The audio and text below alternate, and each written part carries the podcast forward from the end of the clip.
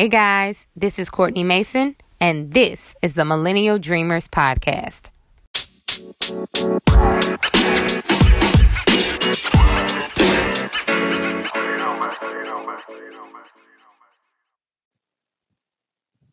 Beautiful people, happy December. 2018 was not playing with us, right? It came and went, and I really can't believe this is the very last podcast that I will record this year. You heard that right. I'm giving myself a pat on the back because I started this podcast in April of 2018 and I have stayed consistent with it um, even when I did not know what I was doing, even being the sole host of this podcast, creating the content on my own, recording and editing it myself. Um, I stuck with it and stayed with it. And it's been such a blessing for me to hear how other people have said, you know, this has helped me in this way. Um, your episode about this or your your conversation or interview with this person really resonated with me. So I'm excited about that and so grateful for all of you who have tuned in and listened the entire time. Thank you. Thank you so much. Um, I greatly appreciate that. And I'm just going to continue to um, work and elevate. And this is just the beginning for the Millennial Dreamers podcast. So I wanted to get that out of the way to start.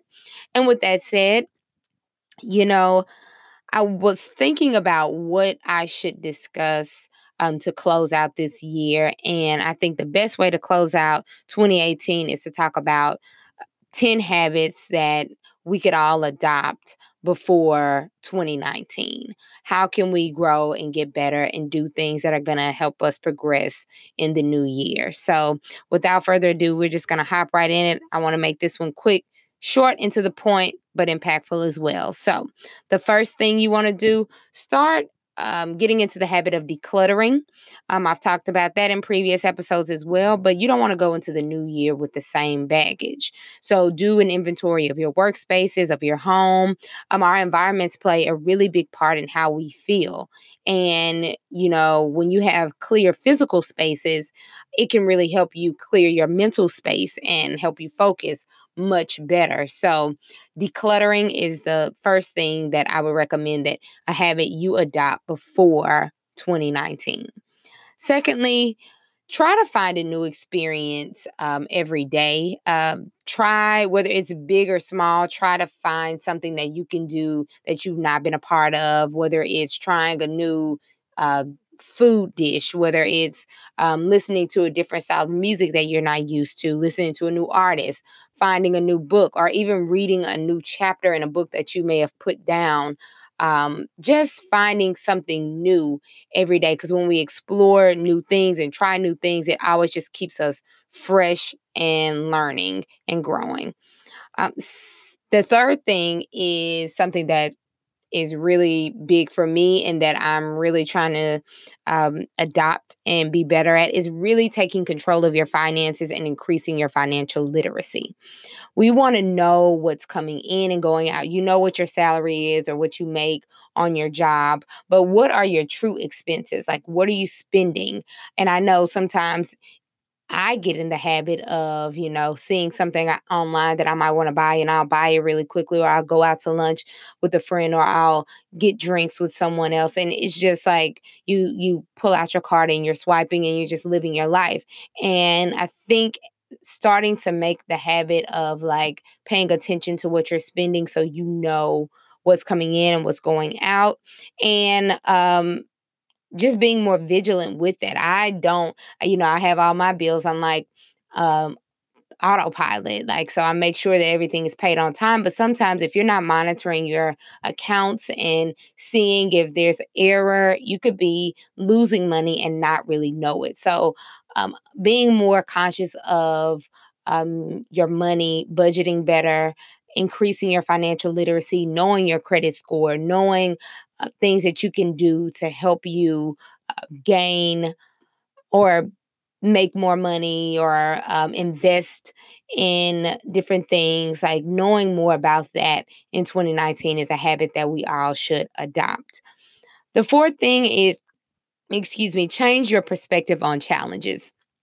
This is something that I try to hammer home as much as possible and live by example for others uh, because it is something that can be difficult you want to find the silver lining in anything that happens in your life. I know sometimes when we get bumps and bruises, it's hard not to dwell on the pain of the situation. But if you face a challenge, try to find at least one good thing that you may have learned from that situation. What's a silver lining? No matter you know how hard it is. If you lose lost a loved one say you know they they lived a great life um, i was grateful that i was able to spend as much time with them as possible. If you don't do as well in a class um, you know say that it's, it's going to make me stronger because now i know what i need to do to be a better student and i know that i didn't do as well because of X, Y, and Z. So now I can correct that behavior. Just try your best, no matter the challenge, to find the silver lining. When we change our perspective on things, um, it helps us to feel a little bit better about it. And then we can learn from it and grow uh, much faster than we would if we were just wallowing in a situation. The fifth thing is to network. Um, you want to find people who know things that you don't know and who have strengths that you don't have. Um, this will help us to really become more uh, what's the word I'm trying to use? I don't want to continue to use the word grow, but that's really what it is. It's about growth and becoming better. And so you know, as individuals, we have strengths in certain areas that other people don't have, and we can help them to learn and grow and become better. So, you, likewise, you want to network and find people who know things and are stronger in things um, in certain aspects than you are. And that way, we can just kind of build each other up to become better. So, networking is the fifth thing that I would say. The sixth thing is you want to be honest with yourself about what might be preventing you from making progress on your goals. Are you a procrastinator? Do you lack focus? Um, are you afraid of failing?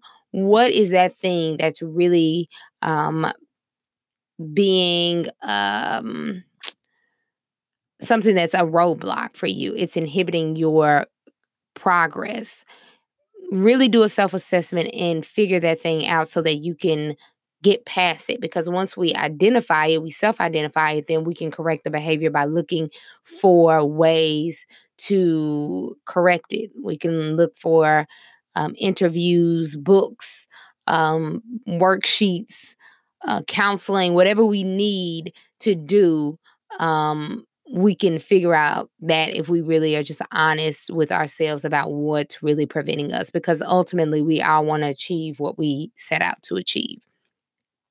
So that's the sixth thing. The seventh thing is to find something fun um, every day to enjoy or to just laugh at. Laughter is like the best medicine. So, what's something that you can be happy about? There's so many things that we can be down about. There's so many, if we just really were to harbor on it, um, quite frankly, we could find so many things to be upset about. So if you make a conscious effort to smile, uh, find something to smile about. Look at the positive um, in your life how things are going great and then more i believe very much so that we have the power within our minds to create the realities that we want. So you want to see more of the things that you want to see. So just finding a reason to enjoy life smile laugh um, connect with friends that you haven't connected with in a long time meeting new people um, and just finding the joy in every single day um, next, you want to, number eight is be more organized with everything. Uh, make a conscious effort to be more organized at work. How can you, um, you know, go through your making lists if that's helpful for you, organizing your desk, organizing your email folder, making sure that you know what projects are are required of you or that are on your plate what's the timeline for them. Just helping being more organized will help you to get so much more done and even being organized just in general in like going back to decluttering. When you have more organization in your space it just all helps you to focus more and be clear and uh, everything works more smoothly when we are more organized so let's get in the habit of that in 2019 um, the ninth thing that I have is get physical, get active in some way. Uh, my accountability partner and myself, uh, Dr. Charmaine Barnes, I love my Char Char. We have made a pact to be active right now.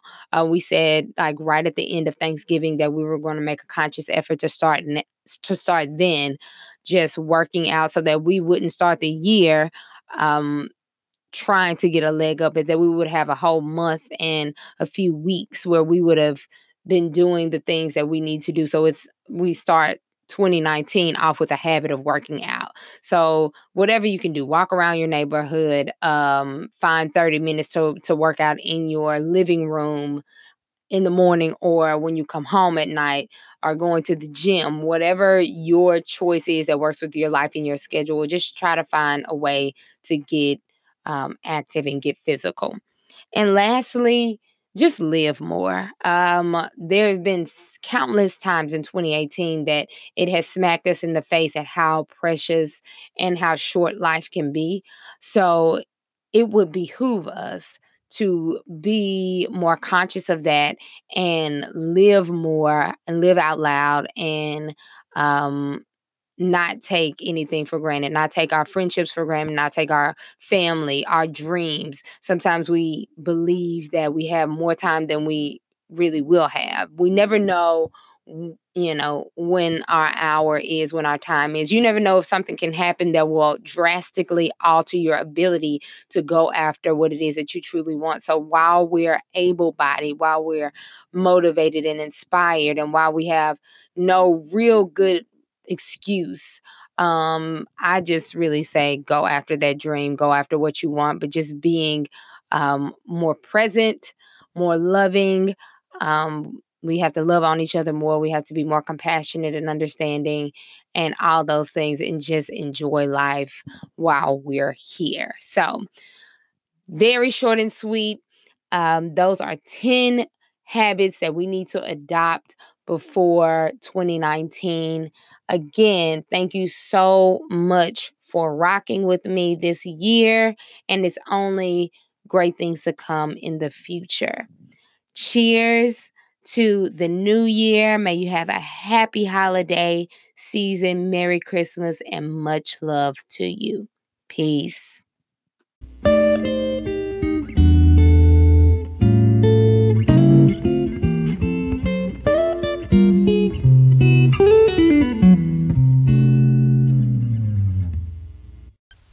Thanks so much for listening to this week's episode.